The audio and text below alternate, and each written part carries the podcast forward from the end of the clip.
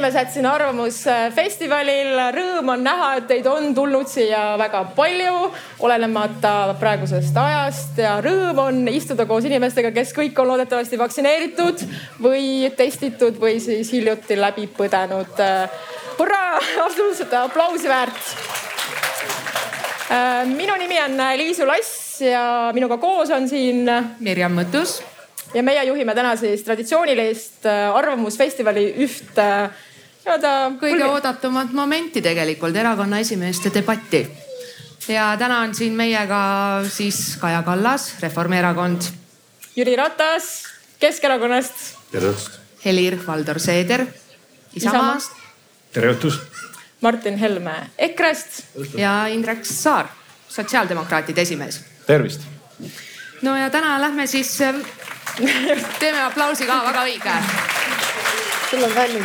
Meil on äh, plaanis äh, täna rääkida loomulikult presidendivalimistest, sest see teema on kuum ja napilt kaheksateist päeva on jäänud siis selle hetkeni, kus Riigikogus peaks vähemalt esimene voor siis toimuma.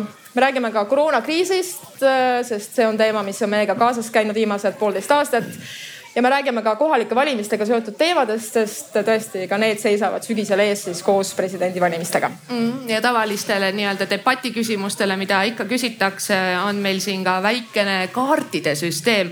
Eh, head erakonna esimehed, teie laual on roheline kaart ja punane kaart ja me läbi debati küsime teie käest küsimusi, mis on kas-küsimused, millele saab vastata jah rohelise kaardiga või ei punase kaardiga. me võime siin kohe ühe väikese sellise katse ära teha kas kolmekümnendal augustil või augusti lõpus igatahes valitakse president ära meile?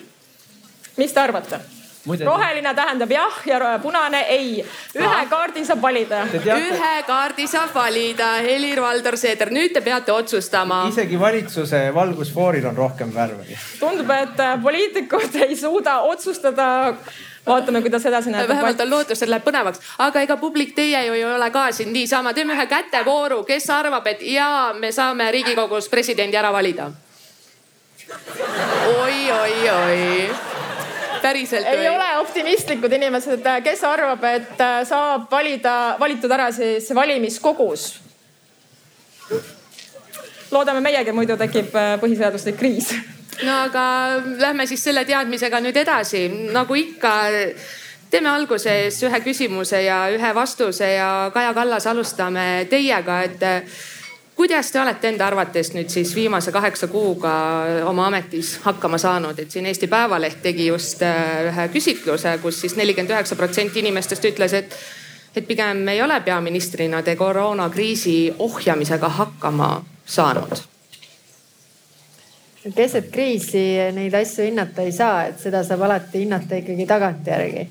Ehm, tõepoolest väga raske äh, algus on olnud, äh, sellepärast et üks kriis ajab teist kriisi taga ja pidevalt tuleb tegeleda tulekahjude kustutamisega, et on väga väga keeruline olla populaarne, kui sa pead tegema ebapopulaarseid otsuseid. aitäh. piiriküsimused on väga aktuaalsed praegusel ajal. Jüri Ratas, miks Eesti idapiir valmib alles kaks tuhat kakskümmend kuus aastal ja praegu on valmis umbes kümme kilomeetrit sellest saja kolmekümnest? alustasime liiga hilja, alustasime siis, kui tekkis reaalne põhjus. piiriprojekti on kohandatud väga palju ja olgem ausad, et me peame tunnistama, et me ei teadnud isegi, missugune see maastik ja ütleme, mis seal maa all, missugune see kooslus on erinevates kihtides, kui seda piiri hakati ehitama, nii et see kõik on võtnud aega. Päris kallis ka ja viimaseks. Mm.. Martin Helme, nüüd kui me vaatame, mis Leedus ja Lätis toimub, ähm, kas Eesti idapiiri väljaehitamise kärpimine EKRE poolt äh, nüüd tagantjärgi vaadates oli ikka õige samm, et siis kolme, saja üheksakümnelt miljonilt saja kolmekümne peale? Kõigepealt tuleb muidugi öelda, et kui me ei oleks seal leidnud odavamat lahendust, siis ei oleks üldse saanud hakata tegema, sest et raha ei olnud. teiseks tuleb öelda, et just äh, meie valitsuse ajal ja sel ajal, kui Mart Helme oli siseminister, hakati reaalselt ehitama seda piiri. ja äh, kolmandaks, me teeme seda ju piiri niimoodi, et neid asju, mis me sealt praegu jätsime kõrvale, on hiljem alati võimalik juurde panna. aga mida me näeme praegu Leedus või ka Lätis on see, et äh, tõepoolest see nii-öelda füüsiline piiritara on ikkagi kõige tõhusam viis tõrjuda illegaalset piiriületust. kaamerad ei tõrju seda, aga piiritara tõrjub seda, nii et selles mõttes me tegime õigeid valikuid ja ehitamist alustasime meie valitsuse ajal, et äh, oli küll õige. Indrek Saar äh, me mõtlesime sotsiaaldemokraatide küsimuse peale päris pikalt, sellepärast et sotside toetus on siin üle seitsme protsendi pisut ja mõtlesime, millega te üldse viimased pool aastat tegutsenud, tegelenud olete? No vot, ehm, kui te küsite, millega me oleme tegelenud, siis ma arvan, et eh, noh, sellest on nüüd eh, kalendri järgi vist natukene rohkem kui pool aastat möödas, aga kui sotsiaaldemokraate ei oleks olnud, siis nelja, kaheksateistkümnendal aprillil oleksite te käinud eh, ühel referendumil. Ja see referendum oleks kindlasti Eesti ühiskonnas põhjustanud väga halbu tagajärgi ja sotsiaaldemokraatidel oluline roll, et teil kaheksateistkümnendal aprillil üks tore kevadine päev ja te ei pidanud sellel äh, lõhestaval referendumil äh, osalema. kui tuua näite, et kui, äh, kui tuua sealt järgmine näide, siis tänu sotsiaaldemokraatidele on muuhulgas meil olemas võimalus, et alaealised saavad vajadusel psühhiaatri poole pöörduda, ilma et selle jaoks oleks vaja lapsevanema nõusolekut. et see oli aasta aega pikki vaidlusi vahetuma pidi valitsus selle jaoks, aga, aga see oli sotsiaaldemokraatide algatus ja, ja töö, et see näiteks ära teha. kui ei oleks sotsiaaldemokraate, siis oleksid paljud riigieelarved viimasel ajal näinud mõnevõrra teistmoodi välja, sest, sest see surve, mida meie oleme omalt poolt nende eelarvete käigus püüdnud hoida on juhtinud tähelepanu tervele reale puudujääkidele. no vot, et ikkagi olete ühte-teist teinud, väga tubli, aga Helir-Valdor Seeder.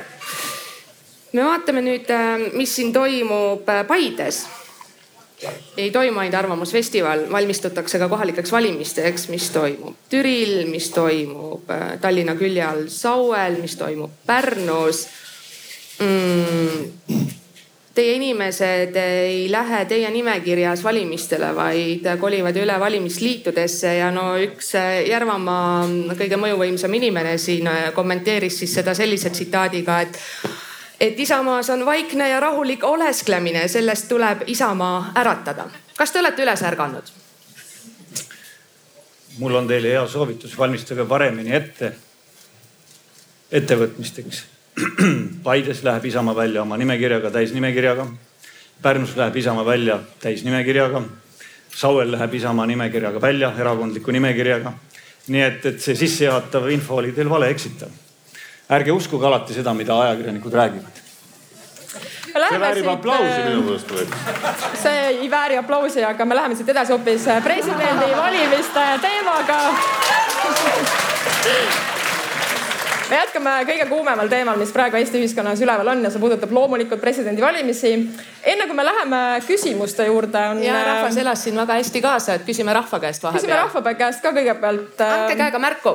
kas presidendi võiks teie arvates äh, valida Eestis rahvas? tõstke käsi, kui te arvate, et jah.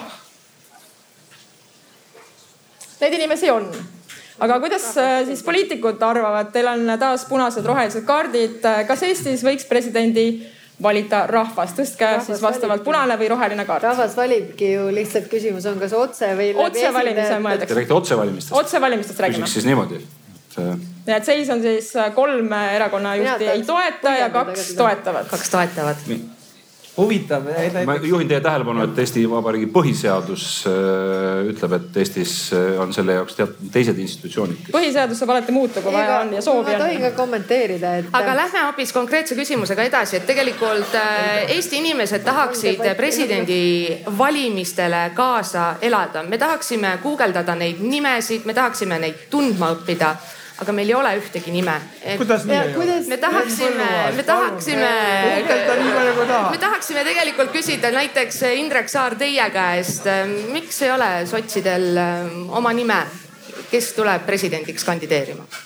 sotsiaaldemokraatidel on kindlasti äh, oma nimi, sotsiaaldemokraadid nii. ütlesid juba mitu kuud tagasi, et kui äh, kui Kaja Kallas ja Reformierakond jääb oma varasema seisukoha juurde, et nad toetavad Kersti Kaljulaidi jätkamist ja nad suudavad selles, selles veenda ka oma koalitsioonipartnerid, kes äh, ajab mingit segast juttu sellel teemal, miks ta, nad ei arva, miks nad arvavad, et tänane president ei peaks jätkama.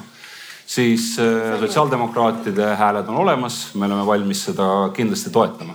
me oleme kindlasti valmis äh, arvestama sellega, et kui poliitiline realiteet on see, et, et see mitte millegi, see millegipärast, kuigi ma ütlen jätkuvalt, ma tahaksin väga teada, miks tegelikult Keskerakonnale tänane president ei sobi sest see, see vastus, et, et ta ei ehita piisavalt palju sildu, ei ole minu arust adekvaatne. ta on olnud just nimelt tasakaalustajaks sellele, mida tegi eelmine valitsus. kas ma saan õigesti aru, et sotsiaaldemokraatide aga... kandidaat on Kersti Kaljulaid, keda te pole praegu üles seadnud?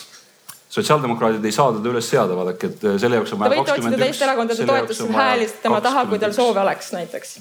ja palun väga, ma, ma võin siinsamas küsida, et kui, kui nüüd äh, sotsiaaldemokraadid äh, äh, tulevad paberiga Kaja Kallase juurde, ükskõik, kas see juhtub Riigikogus või valimiskogus, kas, kas Reformierakonna hääled tulevad sinna, sinna taha ja allkirjad või ei tule?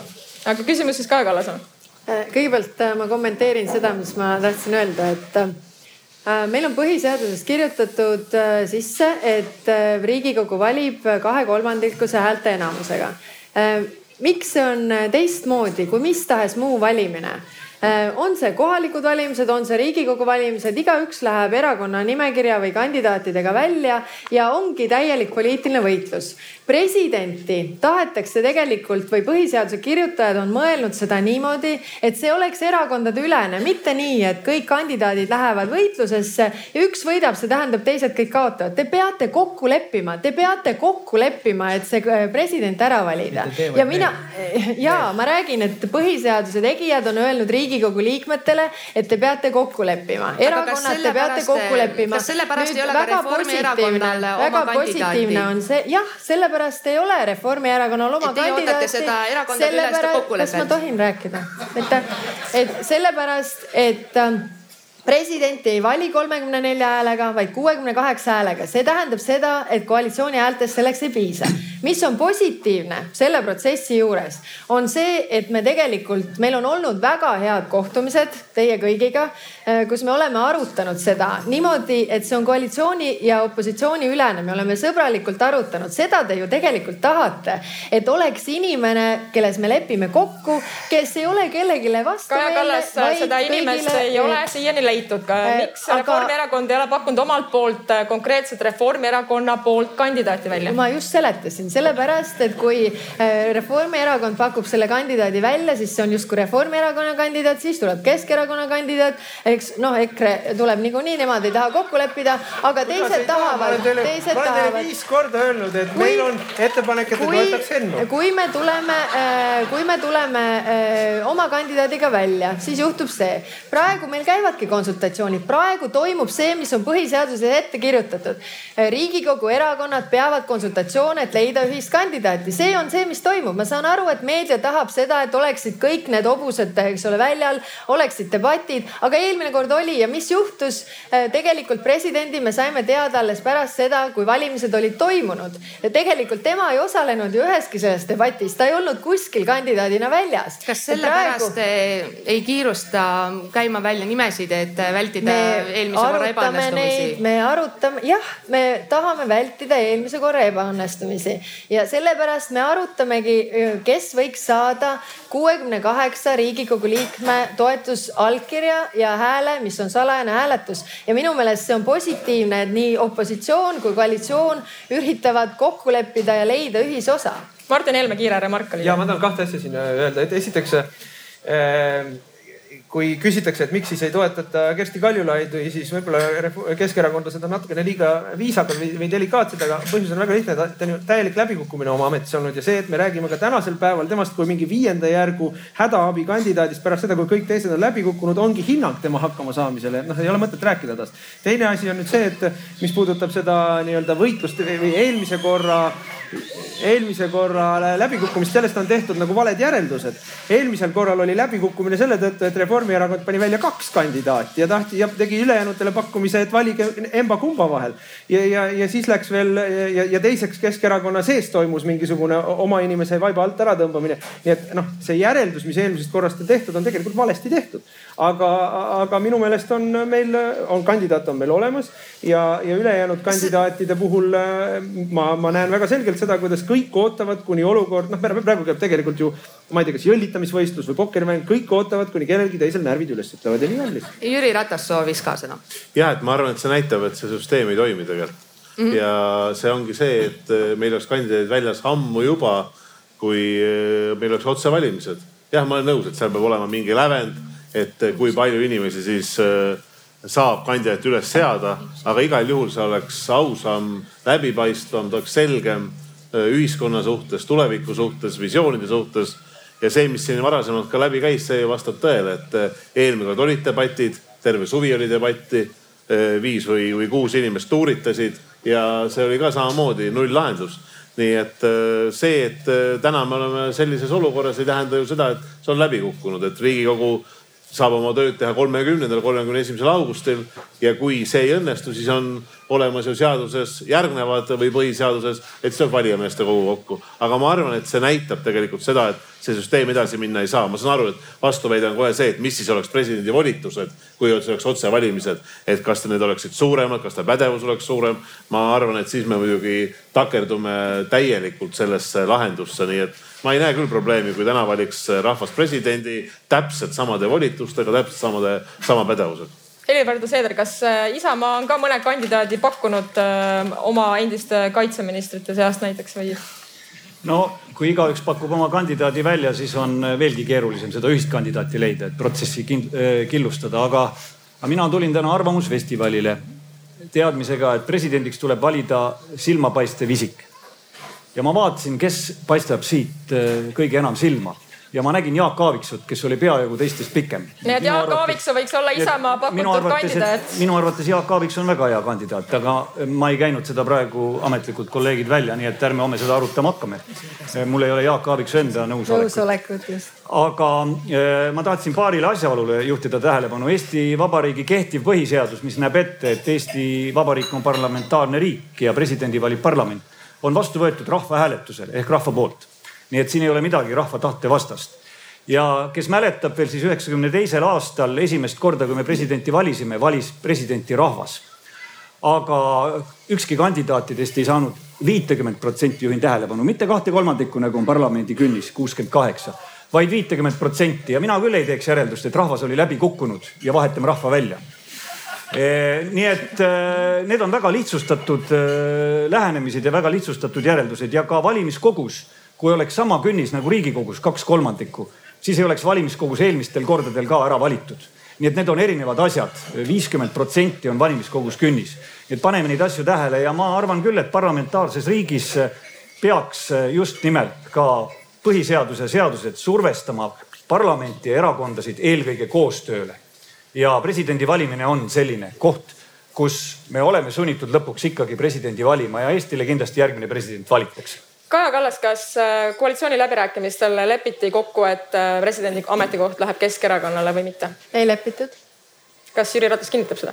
jah, kinnitan, aga ma tahan öelda Helirile, Helirile vastuseks, et ma mõtlesin selle üheksakümne teise aasta peale, mida Helir tõi sisse, see tõesti kõik nii oli, aga me võime öelda sealt veel ühe järelduse. sa lõpetasid põhikooli. üheksakümmend kaks äh, valis rahvas tegelikult tegi õige valiku neljateistkümneks aastaks tõsi küll, äh, teise valikuna sai kõigepealt Lennart Meri ja siis see Arnold Rüütel, aga, aga neliteist aastat olid need presidendid, kes üheksakümmend kaks said kõige suurema mandaadi rahva poolt. nii et ma arvan, et see ei ole nagu, see ei lähe üldse selles mõttes selle tee, tee pealt kõrvale mis on, mis on seesama Riigikogu tee, kus tõesti otsitaksegi laiapõhjalist toetust ja see ongi peegeldus väga tugevasti ka ühiskonnast. Jüri, kõik, mis on tegelik, on mõistlik ja ma tahan siiski juhtida tähelepanu ühele asjaolule. väike, väike, aga panite tähele koalitsioonis, milline on koostöö Kaja istus esialgu Jüri kõrvale, aga siis otsustas tulla minu kõrvale ja, ja läks, läks kaugemale ja, Jüri läks vahele. võin teil käest ja, kinni võtta. ma arvan, et see on uus kolmikliit, Helir on nüüd sündinud, ma näen seda. Nii, niisugustest märkidest ja detailidest tuleb poliitikas väga palju välja lugeda.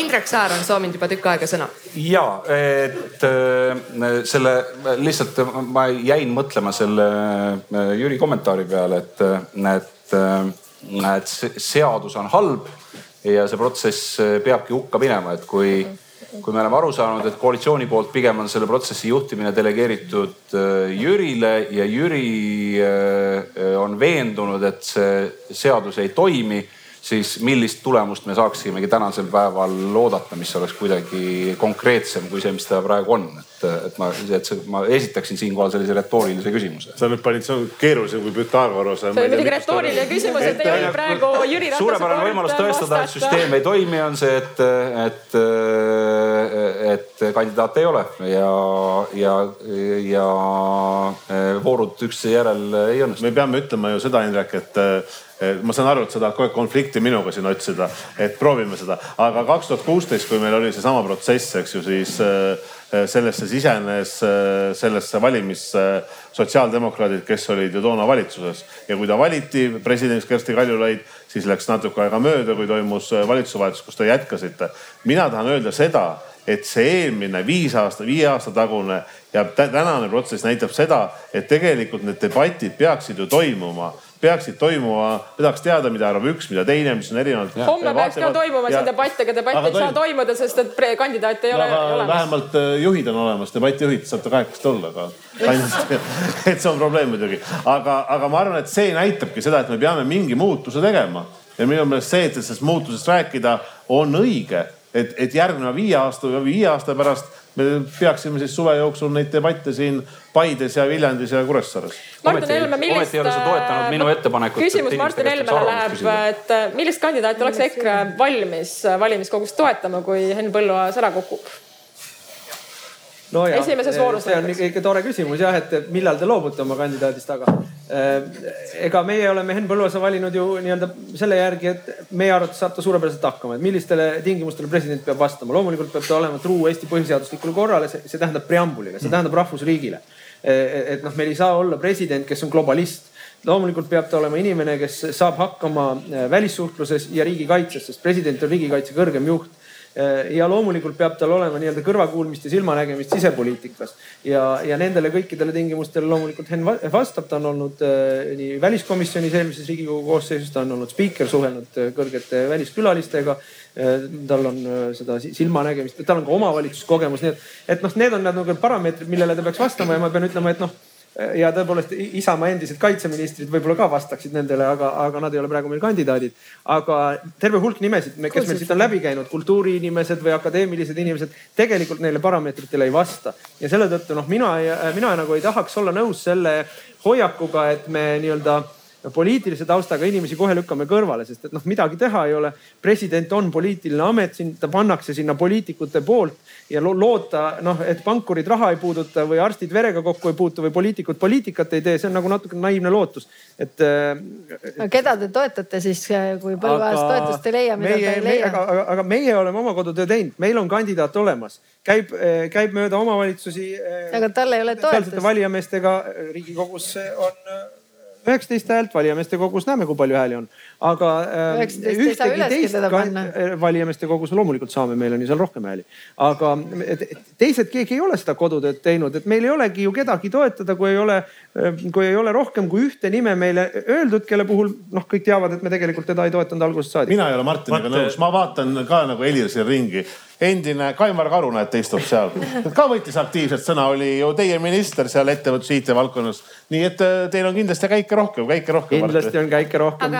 ei no, aga see... ma saan aru, et Martin elab veel olümpiavaimus, et olümpialoosung on tähtis pole võit, vaid osavõtt. presidendi, presidendivalimised on midagi muud ei ole midagi, tibusid loetakse sügisel no, tibusid Jüri Ratas, mis on Keskerakonnal Kersti Kaljulaidi vast, äh, jätkamise vastu?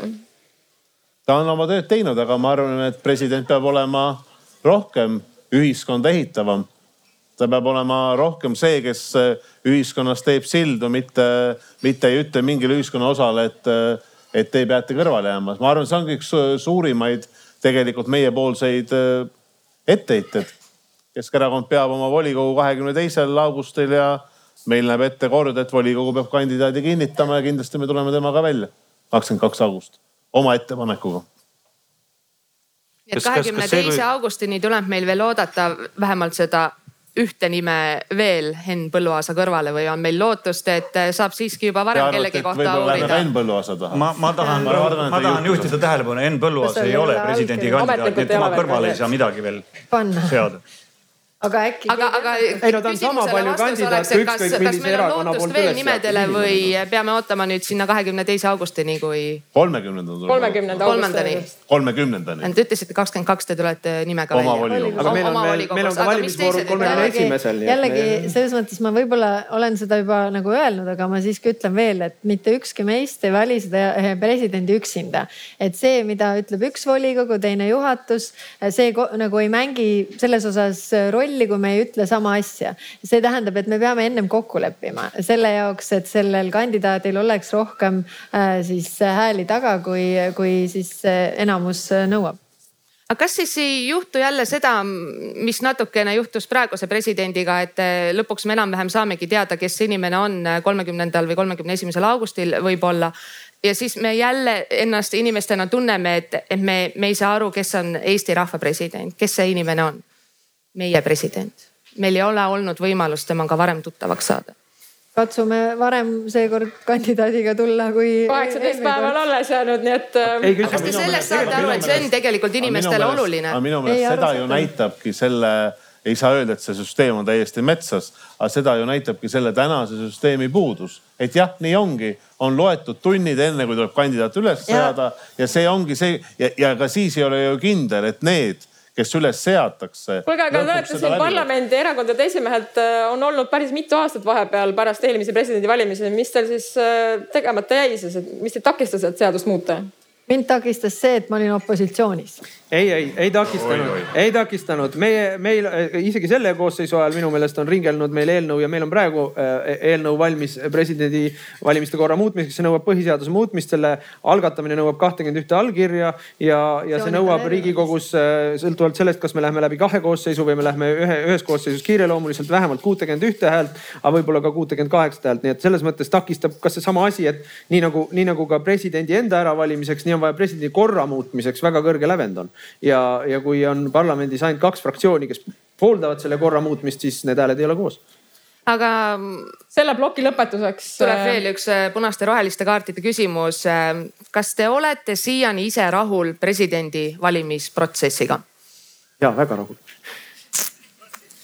siiani. ühe kaardi Helir-Valdor Seeder. olete ise rahul praegu, selle praeguse protsessiga? asi läheb nii nagu peab no selles mõttes asi on nii nagu põhiseaduses kirjas. Heli, sa oled ka näinud? ühe kaardi saab võtta ainult jah. nii et. mis me saime, kaks punast ja kolm rohelist nii on, aga me läheme edasi järgmise teemavaldkonnaga, mis puudutab koroonakriisi ja kõike sellega seonduvalt. no esimene küsimus, et mida siis äh, opositsioonis olles oleks äh, EKRE valitsuses olles teistmoodi teinud, et me ei oleks praegu sellises olukorras ja no vaadake, näe, ei ole kollane, siin ei ole kuusnurka peal, ei ole ka käsivarrel, aga sinna me teel oleme praegu. kui te saate aru, millest ma räägin. ei saanud. räägite, räägite. me räägime sellest, et seega, mida te tegite kohe alguses, et me häbimärgistame poolt ühiskonda selle eest, et nemad ei ole veel vaktsineeritud, see ei ole õige viis minna. Te ei oleks neid tõendeid. me näeme seda, kuidas tänane valitsus jagab rahva kahte lehte, ässitab nad omavahel tülli, jagab inimesed headeks ja halbadeks, neid, keda kõlbab teenindada, neid, keda ei kõlba teenindada. see ei ole viis, kuidas edasi minna. meie seda ei teinud valitsus olles kunagi. ja meil ei olnud seda luksust, et meil oleks üldse vaktsiinid kättesaadavad. see, mis tänapäeval toimub vaktsineerimisega, see on, äh, see on, see on õõvastav, sellepärast et me näeme, kuidas. Martin Helme küsimus oli, mida oleks EKRE praegu teinud teistmoodi, mida te teeksite? ma saan aru, et te ei oleks loonud tõendit. kui Kaja ennem rääkis sellest, kuidas kriis ajab kriisi tagasi, ta unustas ära ütlemata selle, et ise nad kõiki neid kriise põhjustavad. esimese too, laine, tähendab sealt veebruarikuise laine põhjustasite ise, suvise okay. laine põhjustasite ise, vaktsineerimiskatastroofi olete põhjustanud ise okay.. mitte millegagi hakkama ei saada ja siis käiakse ja näägutatakse ja hurjutatakse inimesi. Martin Helme viimane kord küsimus, mida EKRE oleks praeguses situatsioonis teinud, et me ei oleks. kõik oleks teistmoodi teinud. esiteks ei oleks võtnud seda suhtlemist, et meie oleme siin see tark valitsus ja teie asi on käske täita, mis on tänase valitsuse seisukoht eelmine valitsus andeks, ei teinud. kahekümne üheksa nakatunuga kogu riigi kinni ja Aga ütlesite, et ei tee midagi. andke andeks, Kaja. mis oli... asi see oli? ja, ja see oli ajal, mil keegi ei teadnud sellest haigusest midagi. tänaseks päevaks on meil poolteist aastat, meil on poolteist aastat äh, meditsiinilisi et... uuringuid, meil on katsetusi sellest, kas maskid töötavad või ei tööta, ei tööta. meil on uuringud sellest, kui hästi töötavad vaktsiinid. noh, mõni vaktsiin kaheksakümmend protsenti, mõni vaktsiin nelikümmend kaheksa kaheksa protsenti ja ometi meile valitsus ütleb, et kõik peavad saama vaktsiini või muidu, sest et see on tee välja. ei, see ei ole tee kohe, välja. kohe jõuame. kogu see ja, ja, ja mis mind eriti häirib, on see, mismoodi nüüd valitsus on võtnud seisukoha, et põhiseadus meil ei kehti, tööseadusandlus meil ei kehti. meil on valitsuse määrus, millega, meil on valitsuse määrus, millega me inimesed jagame ühe ja teise poole. see absoluutselt ei kõlba, kõik on valesti. kõik on valesti. Jüri Ratas soovis sõna, palun. aitäh, et äh, ma kindlasti arvan, et äh, kui öelda, et kõik on valesti, et, et siis see on vale väide, täielikult vale väide äh,. No, aga Priske ikkagi tuli lahti lasta millegi. nüüd äh, see, mis äh, ütles Kaja, et, et kahekümne üheksaga panime riigi lukku. ei, ma ei, ma ei ütle, et see on vale. et see mõte oli siis kaksteist märts eelmisel aastal, kui oli eriolukord loomulikult, täna me oleme palju targemad, aga äh, me istusime, me olime, ma arvan, et siit viiest olime Martiniga kahekesi selle valitsuse laua taga. kaksteist märts oli kakskümmend kolm, kolmkümmend seitse, kui Eesti läks esimesse eriolukorda ja ma arvan, et see oli kõigile tegelikult tee tundmatusse.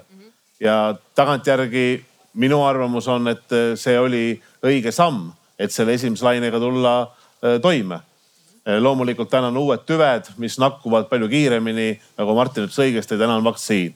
nüüd eh, see, et öelda, et tänane valitsus on kõik valesti teinud ja kõik on halvasti. ma arvan, et suures pildis ei ole meil tõesti muud võimalust, kui pingutada selle nimel, et see vaktsineerimine oleks nii kõrge kui võimalik. aga see, mis Martin ütleb, et see teine pool ühiskonnas, kes mingitel põhjustel ei saa ennast vaktsineerida, ei taha ennast vaktsineerida või on hirmul ja neid on reaalselt, on inimesi ühiskonnas, kes reaalselt on hirmul, et ennast vaktsineerida, siis neile tuleb luua mingid teised alternatiivid, et tulla ka siia arvamusfestivalile. väga hea, ma tahaksin küsida Kaja Kallase käest kohe edasi.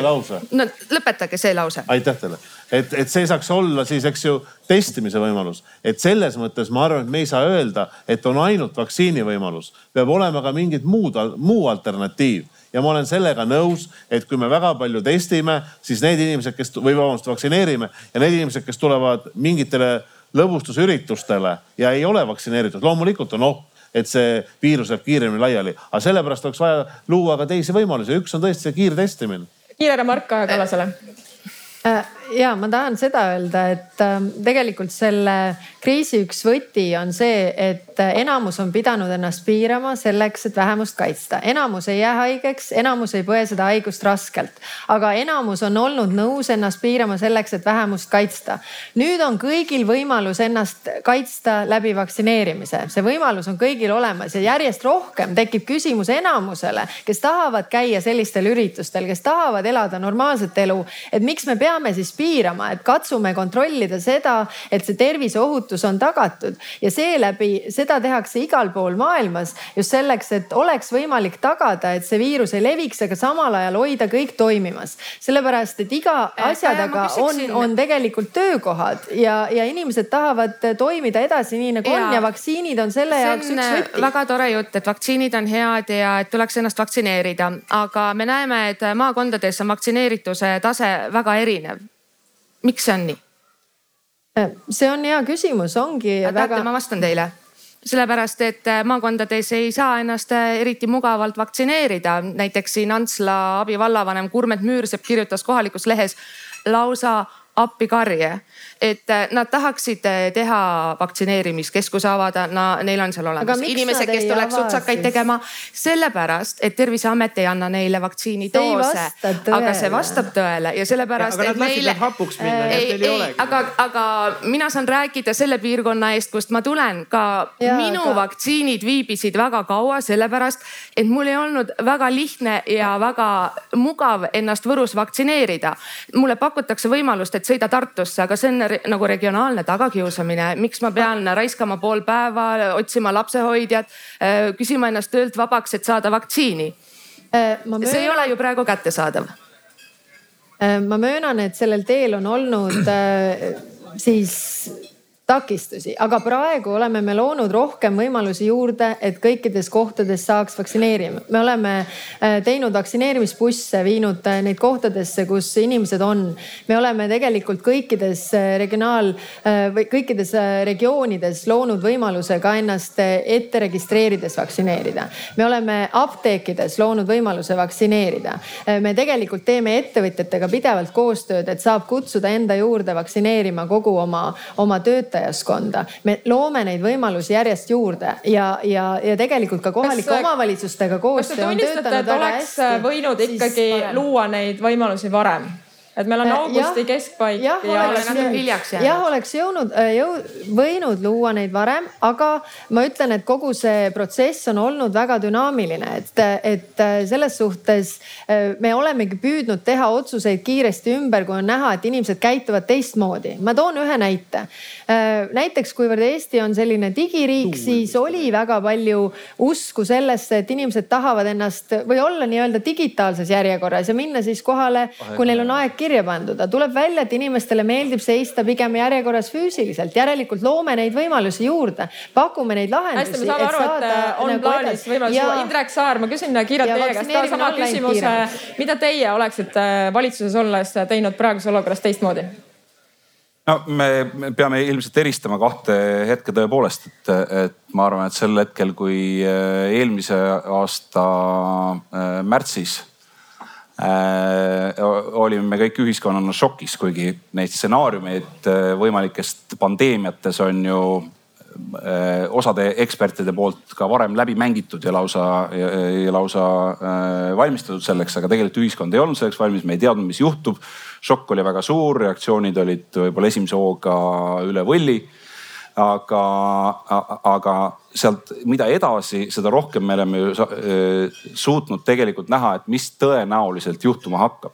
ja neid stsenaariumeid A ja B ja C oleks võinud rahulikult ette valmistada ja üks pool on see vaktsineerimise pool, kus tekitatakse juurde tegelikult täiendavat ebavõrdsust regionaalselt äh, ebavõrdsust, äh, ka majandus, see sõltub ka inimeste sissetulekutest, inimeste haridustasemest ja nii edasi. inimestel jäävad mingid asjad saamata tänu nendele äh, piirangutele, mis tulevad tänu sellele, et nad on lähikontaktsed ja ei saa, saa ühte või teist kolmandat asja, ei saa haridusele ligi, mida iganes. aga milles, millest on noh, millest on täiesti võimatu aru saada, et, et eelmisel suvel tundus, et nüüd see esimene laine läks mööda, öeldi hoh, kõik tehtud ja sügisel tuli teine laine ja siis oli oi, kuidas me nüüd siin oleme. no oleks võinud õppida, me teadsime seda, et vaktsineerimine tuleb. me teadsime seda juba praktiliselt aasta aega tagasi. me ei teadnud täpselt, mis hetkel vaktsiinid tulevad, aga me teadsime, et vaktsineerimine tuleb. siis tulid vaktsiinid, siis oli kuid aega selle jaoks, et valmistuda selleks, et öelda, et vaadake, nüüd on niimoodi, et kui järgmine kord tuleb laine siis tuleb arvestada sellega, et osadel inimestel on ühesugused piirangud, teisel teistsugused. oleme selleks valmis, stsenaariumid on sellised, käituda tuleks siis niimoodi. Teie, kes te olete ürituste korraldajad, turismisektor, olge selleks äh, valmis. mis juhtus, oli see, et käituti dünaamiliselt, üleöö tulid äh, uued piirangud peale mitte midagi ette valmistatud ei olnud, esmaspäevast hakkasid äh, piirangud kehtima avalikele üritustele. reede õhtul millalgi tulid siis juhised no,. ühesõnaga sotsiaaldemokraadid oleks pannud äh, suuremat rõhku kommunikatsioonile, etteteavitusele, kuidas no, asjad käivad. ettemõtlemisele, ette, stsenaariume, kui me, kui me oleme kriisisituatsioonis, siis tuleb mängida läbi erinevaid stsenaariume natukenegi pikemas perspektiivis. ürituste korraldajad, hoolimata sellest, et meil on keerulises ajas, planeerivad oma asju kuid ette.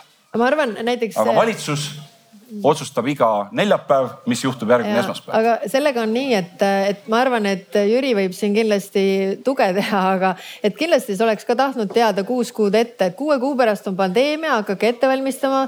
teeme sellised ettevalmistused, sellised asjad, aga see on kõik Kaja, tulnud kiiresti et, et, ja otsuseid on tulnud teha võimalik, kiiresti. kas ei olnud võimalik et, kevadel või, või suve alguses ette näha, et meil on sügiseks osad inimesed vaktsineeritud, osad vaktsineerimata. no see ei ole nüüd väga keeruline, selle jaoks ei pea olema nagu tohutult selgeltnägija, et mis... sellest aru saada. ei no Kaja ütles ennem, et takistusi oli tee peal, ma võin teile öelda, mis selle takistuse nimi on. Tanel Kiik on selle takistuse nimi. et äh, tegelikult mingit dünaamikat ei ole ja mingisuguseid abisid ei ole küsitud eraettevõtet. lugege Paavo Nõgese artikleid meedias, kuidas ta äh, appi karjeid saadab, kuidas erasektor on pakkunud valitsusele ideid ja abi ja kedagi ei huvita. aga äh, selles mõttes ma ütleksin niimoodi, et selleks ajaks, kui uus valitsus võimule tuli, oli see kriis peaaegu aasta vana. me olime teatud õppetunnid saanud, aga noh, uuele valitsusele vaja teha risti vastupidi asju eelmisele valitsusele ja sealt tuli esimene laks. ja siis lihtsalt jäädi magama. kusjuures ma veel kord ütlen sellega, eh, vaktsineer-, mina ei ole vaktsineerimisvastane, ma ootasin ära, kuni minu vanusegrupp sai vaktsiini, valisin endale vaktsiini, mis on kõige tõhusam minu meelest ja kõige väiksemate kõrvalmõjudega, tegin ära. ja nüüd, ja nüüd tuleb valitsus, ütleb, aga sellest hoolimata sa pead maskiga käima. no see ei ole ju normaalne, nii siit, ei tee. siit tuleb ka järgmine küsimus äh, valitsusele. ja sa tulid siis, just äh, Itaaliast, sa tead väga hästi. kaks päeva tagasi selle... käisid Itaalias ja, ja käisid seal maskiga nagu nunnu igal ja, pool, eks ja, ole.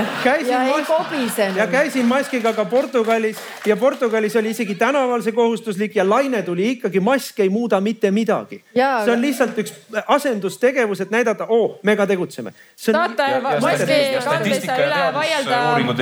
teadusuuringud näitavad selgelt, mask ei muuda sul lainet. lugupeetud erakondade esimehed, küsimus äh, valitsusliikmetele nüüd Kaja Kallas ja Jüri Ratas. mida me siis peame jälgima hakkama sügisel, kui siin ikkagi endine, endiselt laine kestab äh, sulgemise või avatud, avatuna hoidmise puhul ühiskonna mõttes, et kas me vaatame endiselt nakatumiste arvu, haiglate arvu haiglas või mida me vaatame? praegu meil on iga neljapäev äh, küsimärk, kas tuleb jälle mingisugune piirang juurde nagu ma ütlesin, meie eesmärk on hoida ühiskond võimalikult avatud, mis tähendab seda, et äh, võib oodata seda, et ähm, kontrollitud üritused lähevad nii-öelda nullini, et sul ei ole äh, viitekümmet inimest, vaid kõik üritused, kes tahavad sellist üritust teha, peab kontrollima kõiki, et neil oleks äh, terviseohutus tagatud. ja just selleks, et nagu ma ütlesin, ühiskond saaks olla avatud, koolid saaksid olla lahti.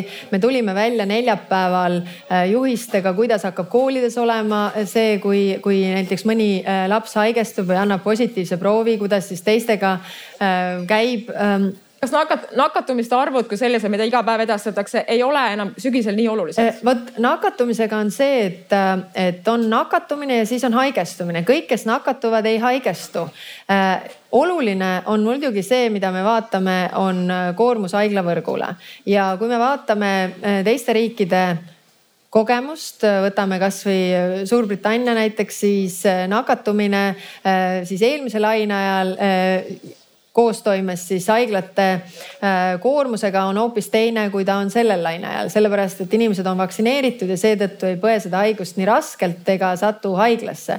nii et äh, jah, äh, see on see, mida ma ütlen, et see, see ongi dünaamiline, et kui esimese laine ajal kakskümmend üheksa nakatunut oligi selline, et me olime punases ja ma absoluutselt ei kritiseeri tollast valitsust, et see otsused sel hetkel tehti, aga kakskümmend üheksa nakatunut täna ei ole enam see. ühesõnaga sügisel enam ei vaadata. Helir-Valdor Seeder, kas äh, me peaksime vaatama nakatunute arvu või mitte? ühiskonna avatuna või suletuna hoidmise puhul? aitäh, ma läheks selle teema alguse juurde tagasi, ma tegin ühe eksperimendi. vastake esimesele küsimusele. püüdsin olla viisakas, püüdsin olla viisakas, kümme korda tõstsin näppu, esimest korda sain nüüd sõna sellel teemal. saate küsimusele vastata. Te arvasite, et mul ei ole midagi öelda, tegelikult mul on sama palju öelda, kui neil neljal kokku siin vastake ja, küsimusele. aga ma vastan küsimusele. küsimus oli, et kas äh, oleks midagi teistmoodi teinud või mida valitsus on valesti küsimus teinud. küsimus oli, et kuidas hoida minu, ühiskonda avatuna? minu arvates praegu kõige suurem kriis on juhtimiskriis. inimesed, kes on valitsuses ja ministeeriumite eesotsas, kes peaksid protsessi juhtima, ei oma piisavalt kogemust ja piisavalt oskusi, et võtta seda vastutust, see on peamine ja, ja vaatame nüüd, kes on olnud kriisi algusest peale juhtimise juures, see on Tanel Kiik sotsiaalministeeriumi juhina ja korvpalli mõistes on ta viis viga ammu ära teinud. ja, ja, ja mis me nüüd siis näeme? Äh, ma ei saagi aru, kas kantsler Priske lasti lahti või talle maksti preemiat. kui ta lasti lahti, miks siis maksti preemiat? kui maksti preemiat, siis miks lasti lahti? ega ma aru ei saa, et kes siis võtab vastutuse ja, ja, ja, ja tegelikult on tegemist poliitiliste otsustega, mis tehti valesti kohe algul äh, piirangute lõdvestamine, lõdvendamine mida äh, Kaja Kallas peaministrina nimetab ühtlustamiseks, aga tegelikult oli lõdvendamisega. see kaos, mis on olnud vaktsineerimises. no sõbrad, see on tõepoolest kaos. Kaja, ma toon oma näite. mina ka tavakodanikuna püüdsin ennast vaktsineerida. digiregistratuuris kaks kuud hoolikalt iga päev jälgisin, millal ma, mulle vabaneb vaba aeg, et ma saaksin ennast vaktsineerida. teate, ei vabanenud. siis ma helistasin ühe haigla juhile, ütlesin, et milles on asi, milles on asi, helistasin haigla juhile, et milles on asi. Ta ütles, et vaadake, meil vaktsineerimisse registreerib haigla registratuur ja me digiregistratuuri üldse oma aegu ei annagi. aga kui paljud inimesed digiregistratuuri kaudu registreerisid? Keegi ei tea seda, aga me loeme reklaamist digiregistratuuri kaudu võite registreerida, aga see lugu läheb pikalt edasi, ma olen oma sutsaka kätte saanud. kas teil on mõni aga, konkreetne ettepanek ka, et kuidas me saaksime siis sügisel ühiskonda rohkem avatuna hoida? kõige mõistlikum on Teeme... need, jah, kõige mõistlikum on need juhid, kes vastutavad selle eest välja vahetada. kas välja tuleks vahetada aga, ka terviseameti juht, kelle te ametisse panite? ei, no seda juhti ei ole üldse vaja ju, milleks on meil vaja vaktsineerimisjuhti? Kui meil on vastutavad ametid, meil on minister, meil on terviseamet, meil on teised ametkonnad, kes on päevast päeva tööl vastava haridusega, kvalifikatsiooniga, läbinud kõik kõrged ametid, äh, komisjonid, et saada sinna ametisse. Ja siis me võtame kõrvale jooksvalt mingisuguse vaktsineerimisjuhi mis nalja teete või? et kui meil tekib eriolukord või sõjaolukord, siis meil ei hakka mitte kaitseväe juhataja ja, ja ohvitserid juhtima, vaid siis me võtame olukorra juhi kõrvalt. aga kas sõjaolukorras on mõistlik see, hakata päid raiuma selle asemel, et proovida no,? terviseameti juht oleks saanud välja vahetada pärast seda, kui vaktsiinid hapuks läksid. see on nagu selge koht, kus vastutama oleks pidanud. riigikogul ei ole mitte probleeme ainult presidendikandidaadi valimisega, vaid riigikogul on probleeme olnud ka valitsusliikmetele umbusalduse avaldamisega. viimased üheksa korda ei ole see õnnestunud. Jüri Ratas, kiire remark teile ka mida saaks teha sügisel, et ühiskond oleks avatud? no kõigepealt ma tahan Helirile öelda selle korvpalli termini osas. no sa oled vana korvpallur. ma arvan, et Tanel on pannud mitu kolmest koos veaga ja saanud vabaviske ka veel sisse, nii et äh, ma selle viie veaga küll nõus ei ole, mis sa ütled. et kui me vaatame täna nagu täiskasvanute äh, vaktsineeritust äh,, kui ma ei eksi, see on circa kuuskümmend üks protsenti, üle kuuekümne protsendi. me oleme öelnud, et see eesmärk on jõuda septembri keskpaigaks, täpsemalt see kakskümmend kaks september seitsmekümne protsendini. kevadel ütles Tanel Kiik, et septembri alguseks. sinnapoole Eesti täna liigub. nüüd on küsimus kas, kas seitsekümmend protsenti on piisav on kindlasti neid, kes ütlevad, see ei ole piisav ja see tähendab seda, et me ei saa seda karjaimmuunsust. on tulevad, nagu me näeme, tulevad uued tüved, palju kiiremini levivad nüüd, mis ma tahan öelda, et ma sellega nagu ka päris nõus ei ole, et siin on nagu viis poliitikut laval ja siis me nagu võtame ametnike päid, et, et üks ametijuht pole saanud, siis pole kantsler saanud, siis pole teine ametijuht saanud.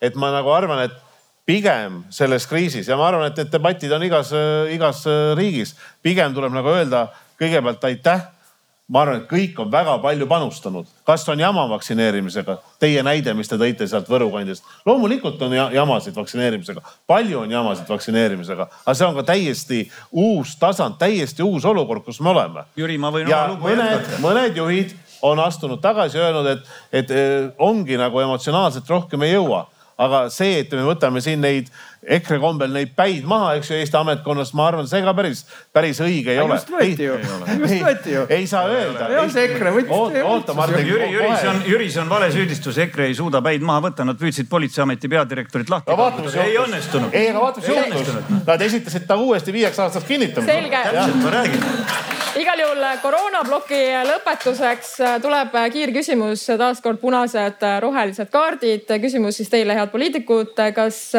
peaks olema kohustuslik teatud ähm, siis elualadel äh, kohustuslik vaktsineerimine, no näiteks äh, arstide, meditsiinitöötajate, hooldajate puhul.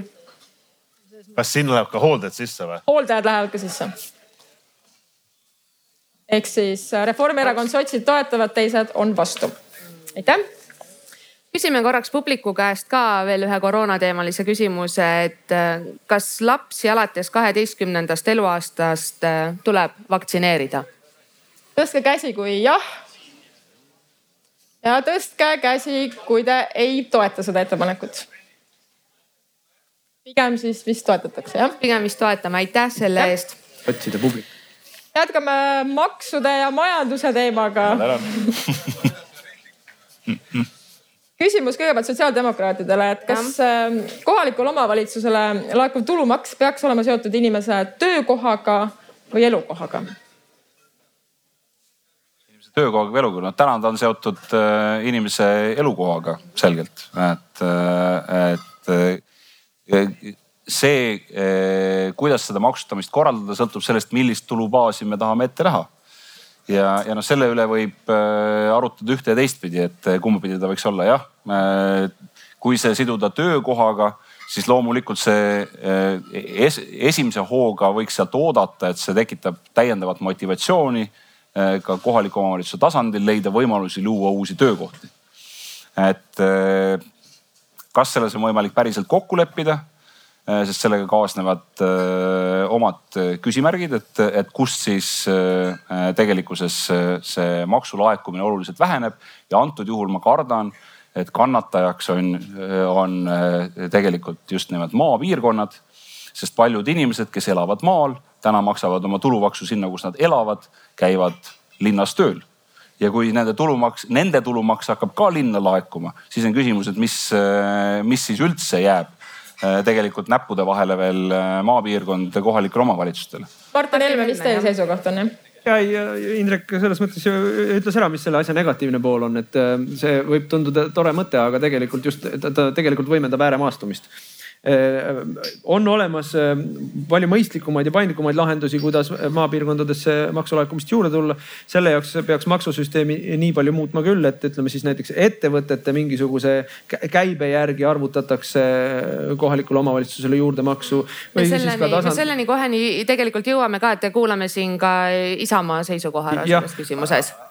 hea küll, okei okay.. ja teoreetiliselt on ju hea lahendus, et äh, tulumaks võiks jaguneda nii töö kui elukoha vahel, aga praktikas äh, sellele lisaks, mis siin Indrek ja Martin ütlesid, äh, väga raske on määratleda töökohta paljudel juhtudel. töökohad on väga mobiilsed ja liikuvad ja nüüd eriti, kus äh, me teeme ka kodutööd, on selle määratlemine ülimalt keeruline. et pigem lihtsam on rakendada, mis ei ole ka lihtne, aga lihtsam siiski on rakendada kahte elukohta et inimene ise märgib ja, ja, ja fikseerib oma kaks elukohta ära ja meil väga paljudel on mitu elukohta või, või kinnisvara kuskil maal ja suvemajad ja nii edasi ja, ja siis see tulumaksu laekumine kahte kohta on igati põhjendatud ja, ja tunduvalt mõistlikum Reformierakond, kas teil on äh, oma nägemus, kas peaks olema inimese töö või elukohaga seotud tulumaksu laekumine? Minu jaoks see küsimus on liiga kitsas, et kui te üritate pidada või algatada maksudebatti, siis me võiksime rääkida tegelikult sellest, et mida me maksustame, äh, miks me maksustame ja mida me soovitame, soovime sellega saavutada, et tegelikult see debatt on ikka palju laiem, kas üks maks laekub ühte või teise omavalitsusse. teiste maksudeni kohe jõuame. Äh, tegelikult see suurem pilt, ei no sellele ei ole ju midagi lisada, et mis siin on juba eelnevalt öeldud, see küsimus oli, oli lihtsalt nii kitsas, et siin jääb kolleegidega ainult äh, võimalus nõustuda. tulumaks jääb Eestis seotuks äh, inimese elukohaga? selles mõttes see ei ole ju praegu, keegi ei ole selle ettepanekuga tulnud ju, et võtame siis järgmise maksu, ettevõtte tulumaks, kas sellest võiks osa laekuda kohalikule? võib muutuda, kui Keskerakond vastab teistmoodi teile. kas Keskerakond vastab teistmoodi? ei vasta miks te seda küsite? miks see teid huvitab? igaks juhuks nagu kuhu jah, täitsa huvitav. aga ettevõtte tulumaksu puhul, kas osa sellest võiks laekuda kohalikule omavalitsusele? kellele see küsimus on nüüd? Teile näiteks. ja Äh, ja äh, ma olen sellega nõus, et, ähm, et kohalikele omavalitsustele on vaja äh, seda mingit tööriista, millega tegelikult motiveerida ettevõtlust sinna kohalikku omavalitsusse rajama. Või tähendab, et, et kohalikule omavalitsusele meeldiks, et ettevõtjad tuleksid nende, nende valda või linna neid investeeringuid tegema, et seetõttu tõesti seal peab olema mingi, mingi seos, et oleks motivatsioon jah. Helir-Valdor Seeder, kas võiks laekuda osa ettevõtte tulumaksust kohalikule omavalitsusele? ma arvan, et selline lihtne lahendus ei ole hea lahendus meie olukorrale, sellepärast et ta tõesti suurendab äh, ääremaastumist, kui me mõtleme, kus meil ka ettevõtted asuvad. Äh, ja sellega me regionaalseid erisusi Eestis mitte ei vähenda, vaid suurendame ja selles mõttes on see kindlasti halb.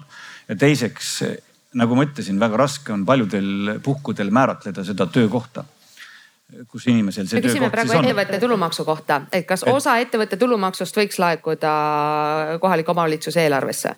aga kuidas te määratlete ühe ettevõtte asukohta, siis nii-öelda kontori kaudu on võimalik määratleda ja vaadake, kus need kontorid siis asuvad, aga tegevus võib asuda hoopis mujal reaalne tegevus võib asuda hoopis mujal. aga küsimus on selles, et kui, et noh, et kas kohalik omavalitsus saab sellest midagi, et sinna ettevõte tuleb või ta sellest no, midagi ei saa, siis ju selles mõttes regionaalselt on ju mõistlikum seda, et oleks. minu arvates on see nii. Mm, erinevates kohtades. ja, ja minu arust on see teema nii üle võimendatud, ma olen ka ühe kohaliku omavalitsuse volikogu esimees ja, ja kuidagi kummaline on mõelda niimoodi, et me ei ole ettevõtlusest huvitatud. et eh, millel see eeldus baseerub? Ma arvan, et ettevõtte tulumaksu laekumine kohaliku omavalitsuse tulubaasi oluliselt seda Eesti pilti ja kohalike omavalitsuste suhtumist ettevõtlusse ei muuda. sest ka täna on kohalikel omavalitsustel väga palju seost kohaliku ettevõtlusega, olgu see läbi planeeringute, läbi erinevate lubade, tegevuslubade ja nii edasi, et see vastastikune side on olemas täiesti.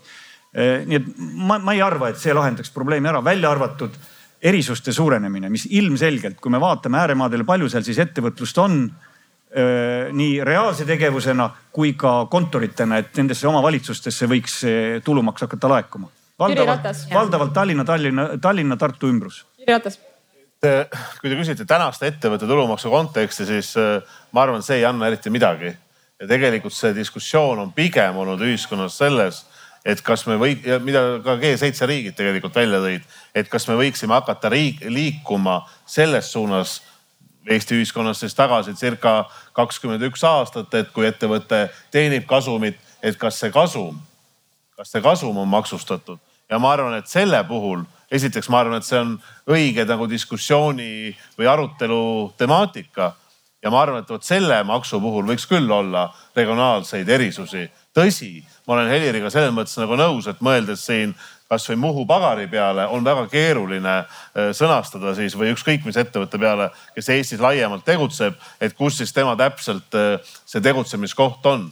aga tänase ettevõtte tulumaksu laekumise osas ma arvan, et see ei anna kuidagi omavalitsustele juurde sellist äh, aktiivsust ettevõtlusega tegeleda omavalitsuse tulubaas, kui tohib korra ühe lause veel juurde öelda, laiemalt on küll probleem, sest tegelikult kohalikud omavalitsused oma tulubaasi mitte kuidagi ei, kujunda ja seda nad peaksid palju suuremas mahus. kiire remark ka Martin Helmel ka.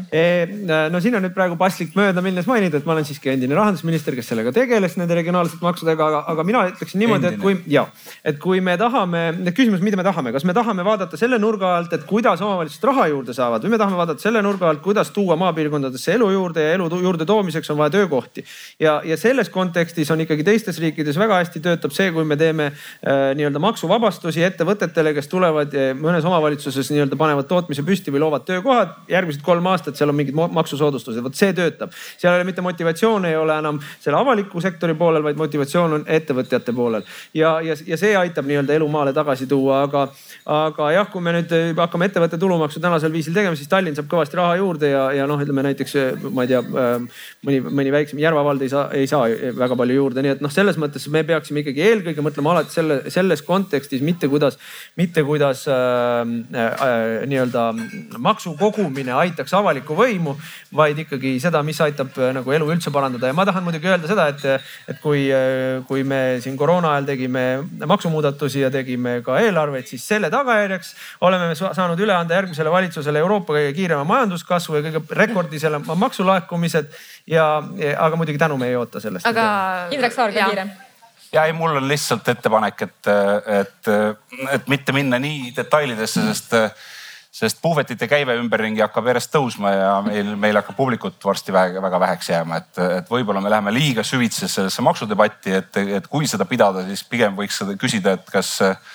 et kas siin istujad näevad, et, et Eestis on võimalik perspektiivis äh, hakkama saada hakkama saada äh, selle maksubaasiga meil täna on, mis meil täna on või tuleb mingeid äh, muutusi ette võtta, et ma arvan, et see oleks palju, äh, palju olulisem dialoog, sest me oleme, me oleme näinud, me oleme näinud seda, kuidas inimestele lubatakse tunduvalt suuremat solidaarsust ja samal ajal lubatakse kõiki maksusid alandada noh, mis on sulaselge vale. ei, ei kuule Indrek, nüüd sa ei saa aru, kuidas majandus toimib lihtsalt, sa oled noh sots muidugi, aga Millise sa ei maksu... saa ju aru, et äh, maksude langetamine, nii nagu me nägime, maksude langetamine on toonud parema maksulaekumise, sellel ei ole vastuolu. Sa ei pruugi sellest aru saada, aga sellel ei ole vastuolu. millist maksu sotsid tahaksid tõsta? millise, milline maks on paremini laekunud, mida, millist maksu on laekunud rohkem pärast seda, kui teda on langetatud? Äh,? rekordlaekumised on aktsiisidel, mida me langetasime, rekordlaekumised rekordlaekumised. Indrek Saar, millist maksu sotsid tõstaksid? millist maksu sotsid tõstaksid? sõidavad autoga ka rohkem ma arvan, et kui meil näiteks on selline valik ees, mille, mille Reformierakond praegu tundub meile ette pane, panema, et, et ainuke variant äh, on kas kärpida kultuuri ja hariduse arvelt, muuhulgas laste huvitegevuse arvelt ja tuleviku arvelt.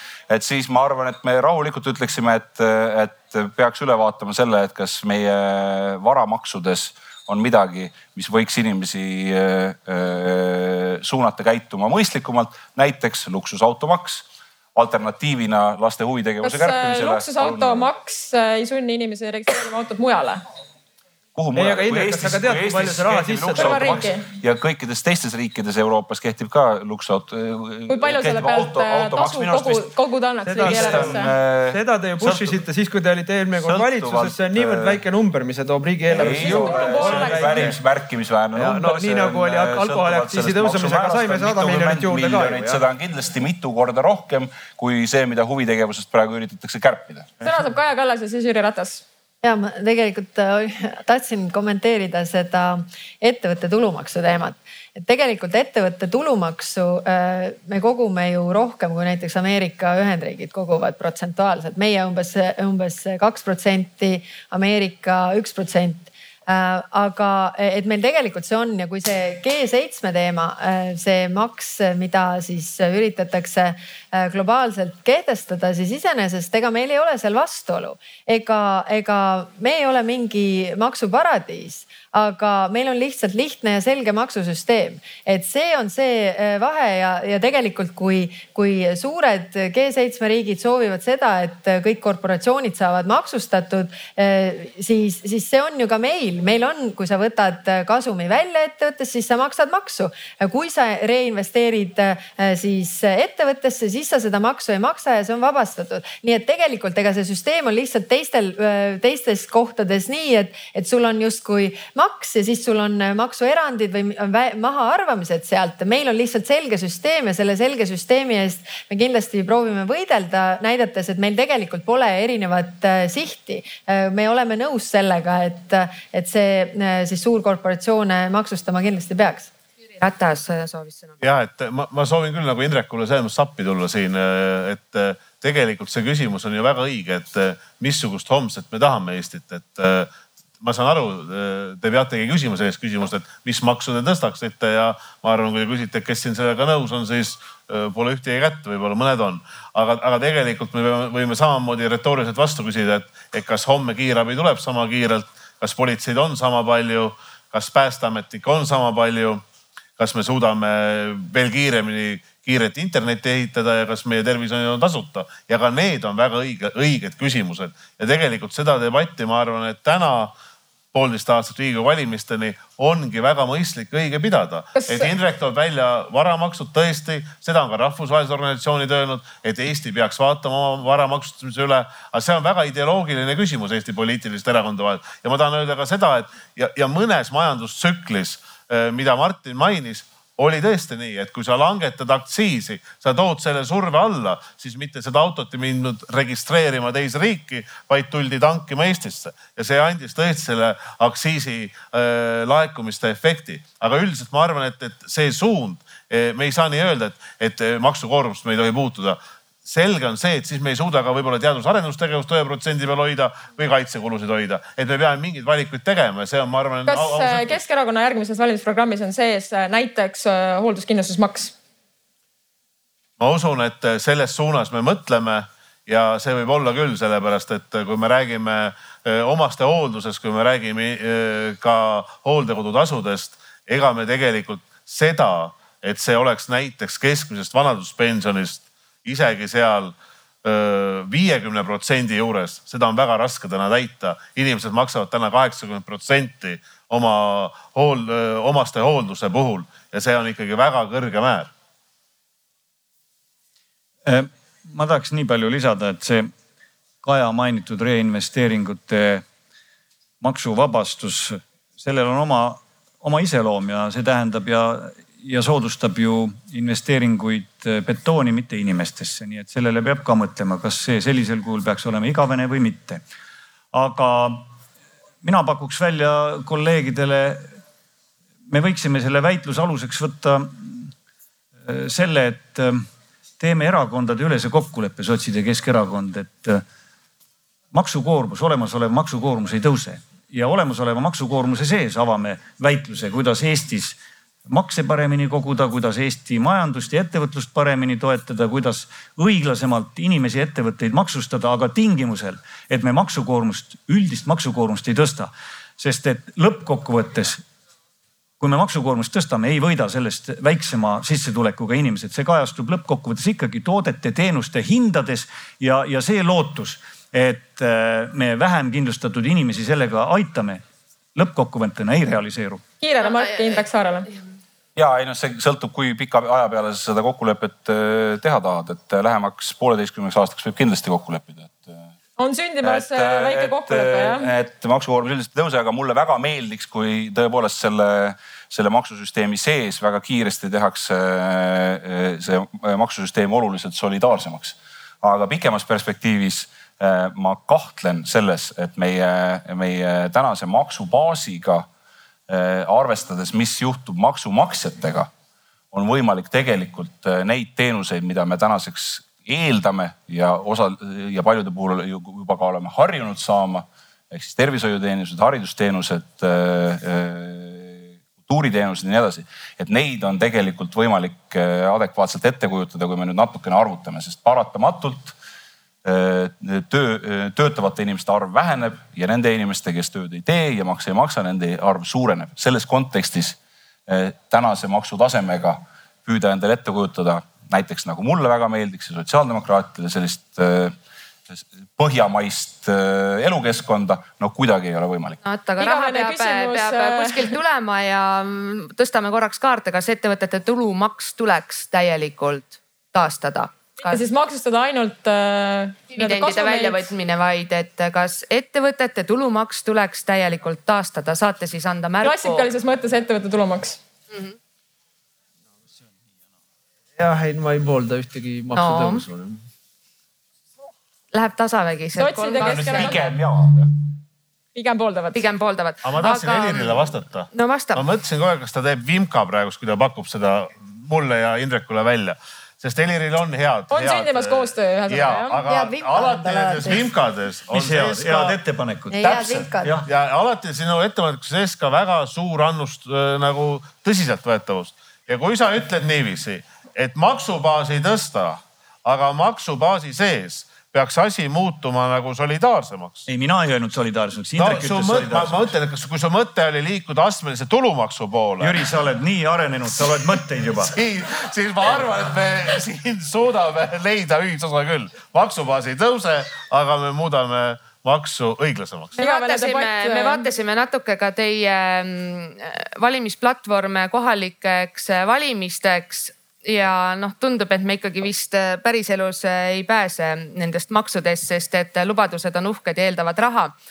aga võib-olla üks ja ühine asi, mille pärast te tõepoolest kõik südant valutate, kiire ja toimiv internetiühendus kõikjale Eestisse no lähme teiega edasi, Jüri Ratas, kuidas te täpselt plaanite seda saavutada, teil on eraplatvormis isegi täpne aastaarv sinna kirja pandud. kui praegusel hetkel ikkagi viimase miili projekt on ebaõnnestunud? ei, sellelt võeti rahad ära ju selle meil on. ebaõnnestunud. raha on ette nähtud. Selle, sellega ma ei ole nõus, et see on ebaõnnestunud. see, et see ei liigu piisava kiirusega, sellega ma olen nõus ma arvan, et äh, kas poolteist aastat tagasi, ju see oli võib-olla aasta kaks tuhat üheksateist, oli tegelikult olukord, kus me panime veel investeeringuid juurde. ma arvan, et ma ei eksi, et seal oli aasta alguses kuskil kümme miljonit ja aasta lõpus see summa võis jõuda kuskil isegi kahekümne viie miljonini.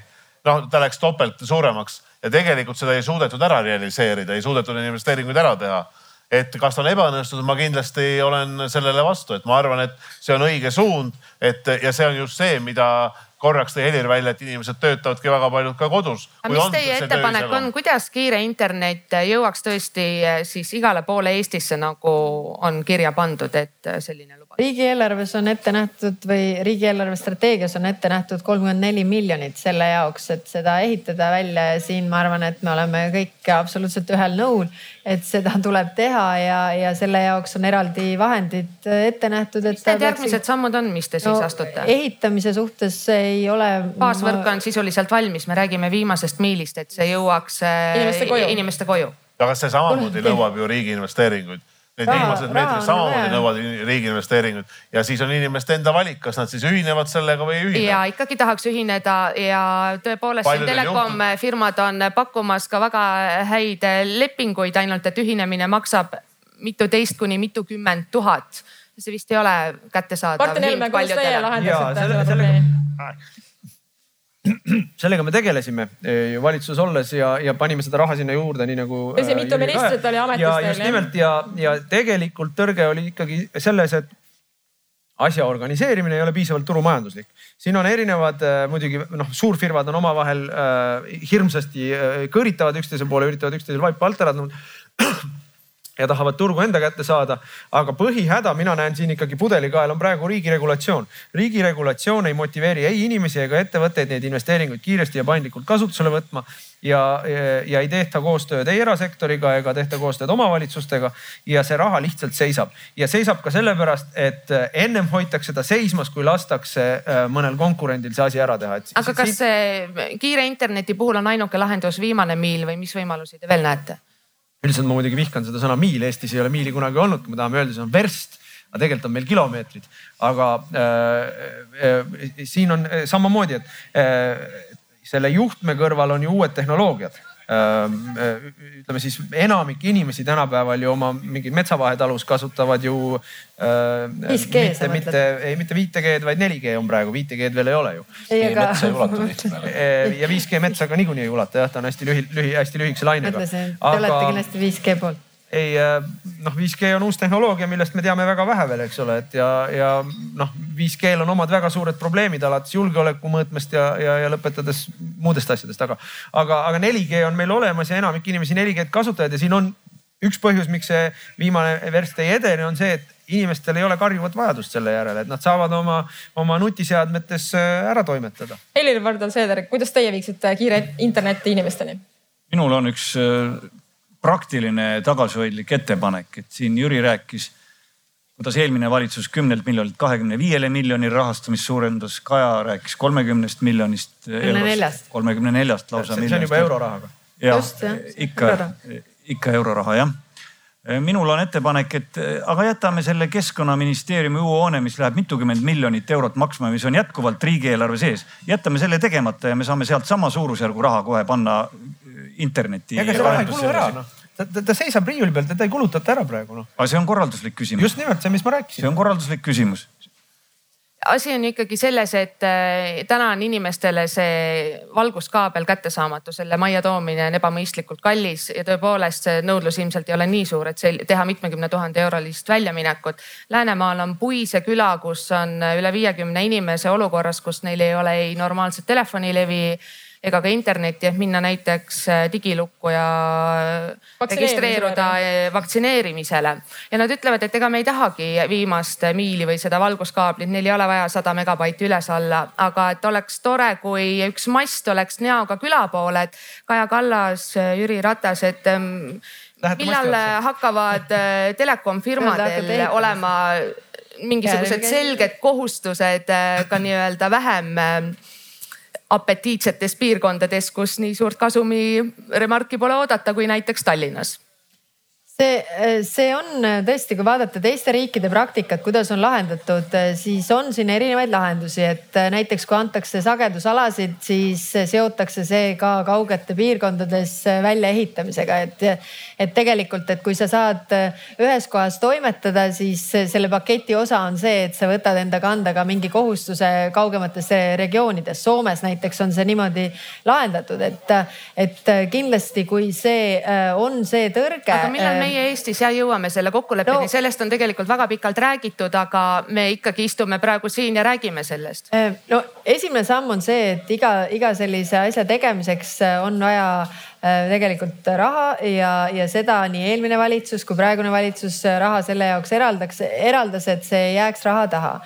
Teine samm on loomulikult see, et. vaja teha raha, rahaseaduse vastuvõtmiseks või kohustuste panemiseks telekomfirmadele, kes siin opereerivad. selleks, et see, et selleks, et see välja ehitatakse selles mõttes, et ilma aga rahata. seda raha ei oleks ju riigil vaja, vaid et seda on vaja ettevõtjatel, see ei Just, oleks enam riigi mure. aga me ei pea ettevõtjate raha pärast ju muretsema. riigieelarvesse raha selleks, et. miks me peame riigieelarvest andma neile raha, kui nad peaksid oma kasumid investeerima tagasi oma tarbijatesse, et ka seal Puise külas ja Haeska külas ja paljudes teistes külades Eestis oleks olemas normaalne telefonilivi ja internet. sellepärast, et kui on turutõrge Äh, kui turg toimib äh, noh ideaalselt, siis loomulikult ei ole vaja mingit tuge teha riigi poolt selliste investeeringute tegemiseks, kui turg toimib ideaalselt aga eh, teatud regioonides, kaugemates paikades see turg ei toimi, et eh, seetõttu on eh, vajalik ka see täiendav investeeringuraha selleks, et selliseid investeeringuid tehtaks.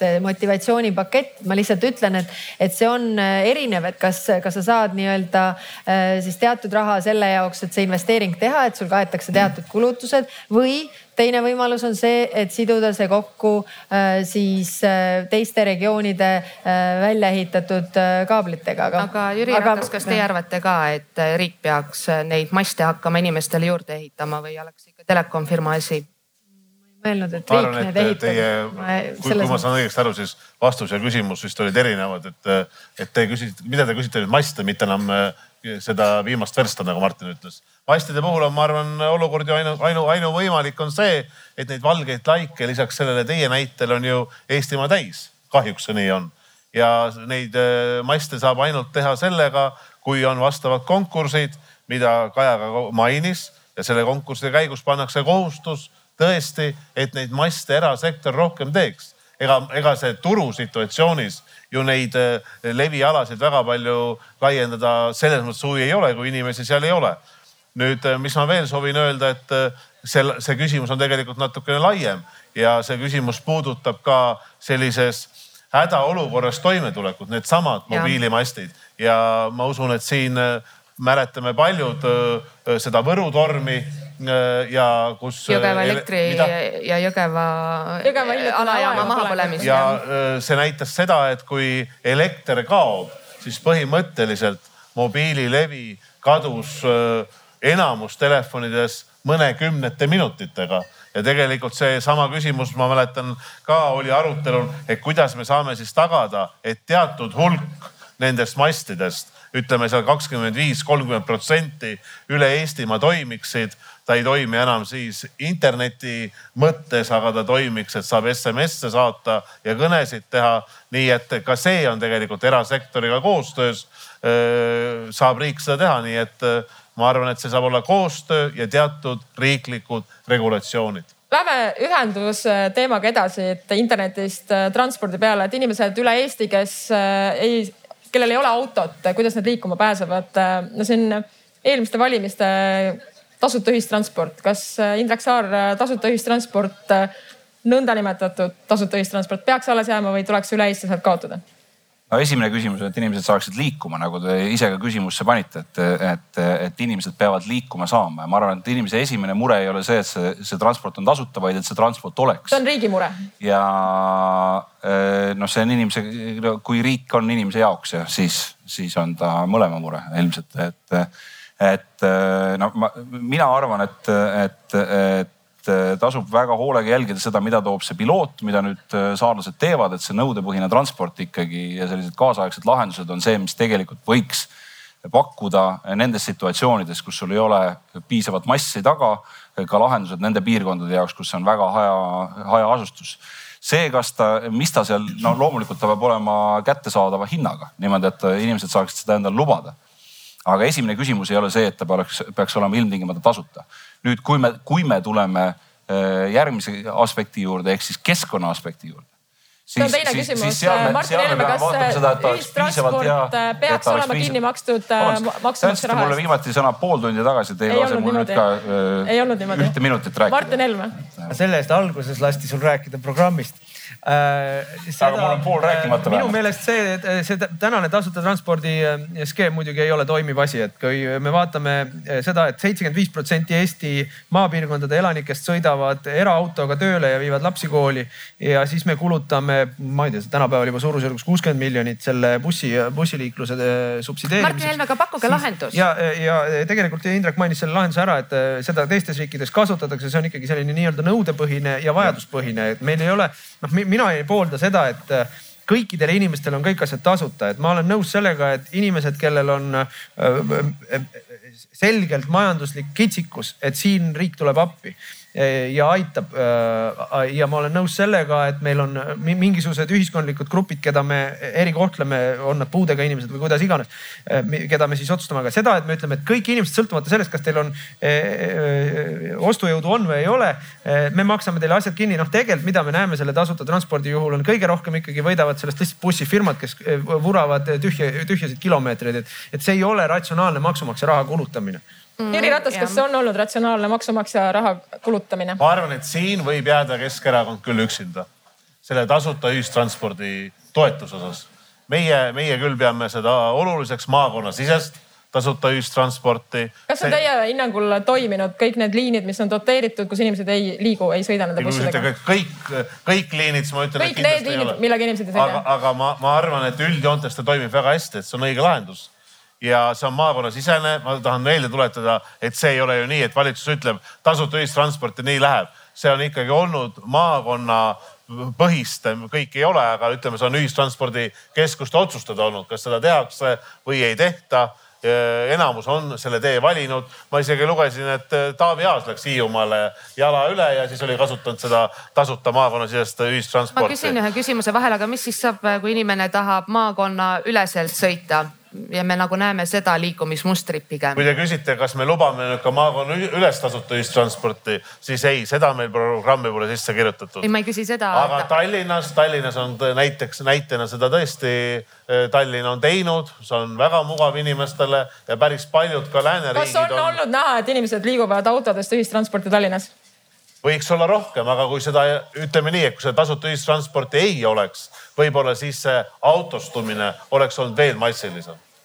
Seeder saab sõna. ja kindlasti tasuta ühistransport meeldib nendele inimestele, kes seda ka reaalselt kasutada saavad ja kelle jaoks ta toimib ja osaliselt ta kindlasti toimib. aga laias plaanis riigis on see muidugi väga ebaefektiivne ja esiteks ta on tagurpidi regionaalpoliitika ehk võtame siis avalikud liinid, mis reeglina sõidavad maakonnakeskustesse ja maakonnakeskuste ümber olevad elanikud ja omavalitsused saavad sellest hüvest osa, sest nende õpilased saavad ka sõita selle maakonnaliiniga, kus veetakse tasuta.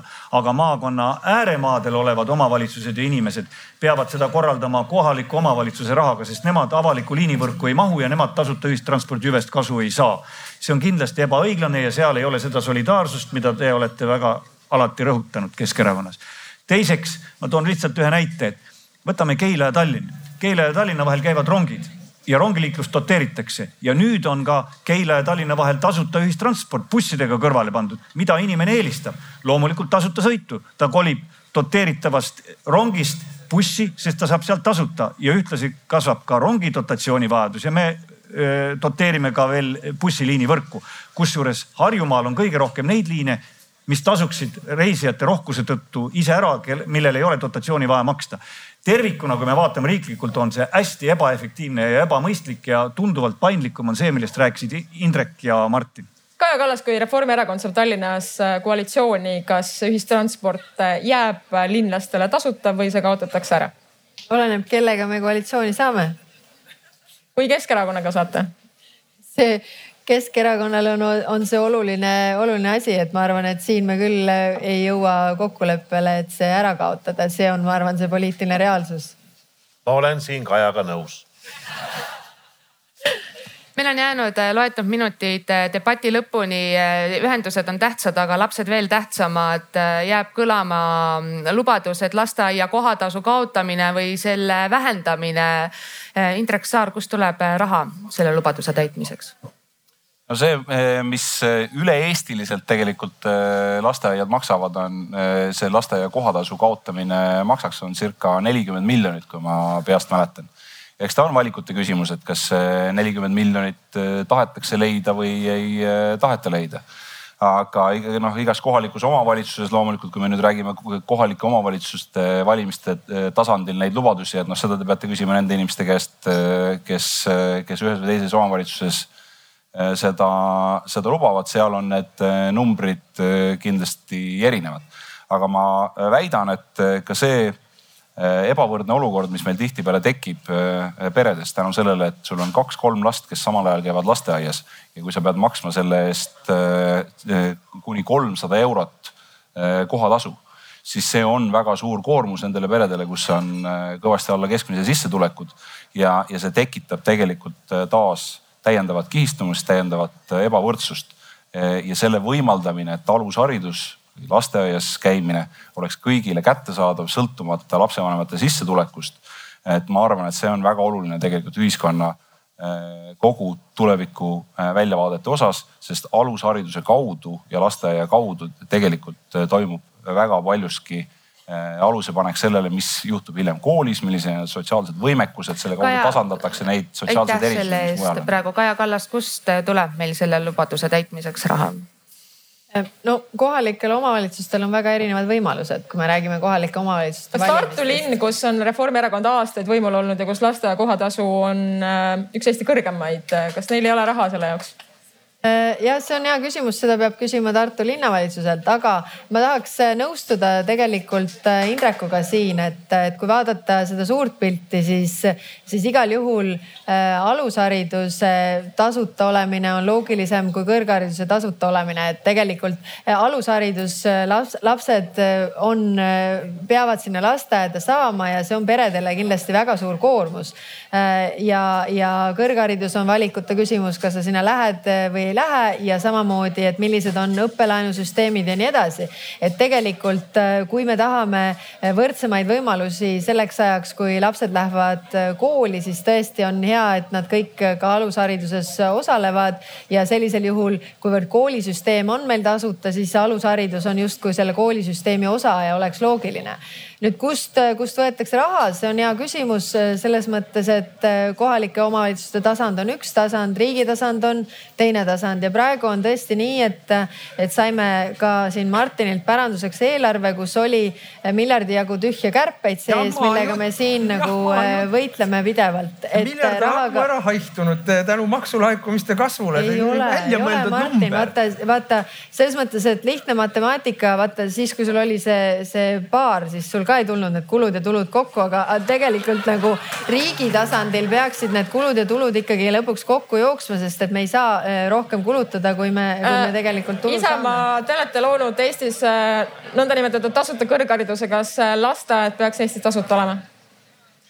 Isamaa ei ole loonud Eestis tasuta kõrgharidust, seda käsitletakse ja tõlgendatakse kogu aeg valesti. Isamaa on kogu aeg soovinud, et Eestis oleks tasuta eestikeelne kõrgharidus. Kahetsusväärselt seda maksumaksja raha kulutatakse ka mitte eestikeelse kõrghariduse rahastamiseks ja see ei ole mõistlik. äh, see on nüüd täpsustus sellele äh, levinud tõlgendusele. alusharidus võiks olla tasuta. aga mis puudutab nüüd alusharidust, siis äh, perepoliitikat tuleb vaadata tervikuna.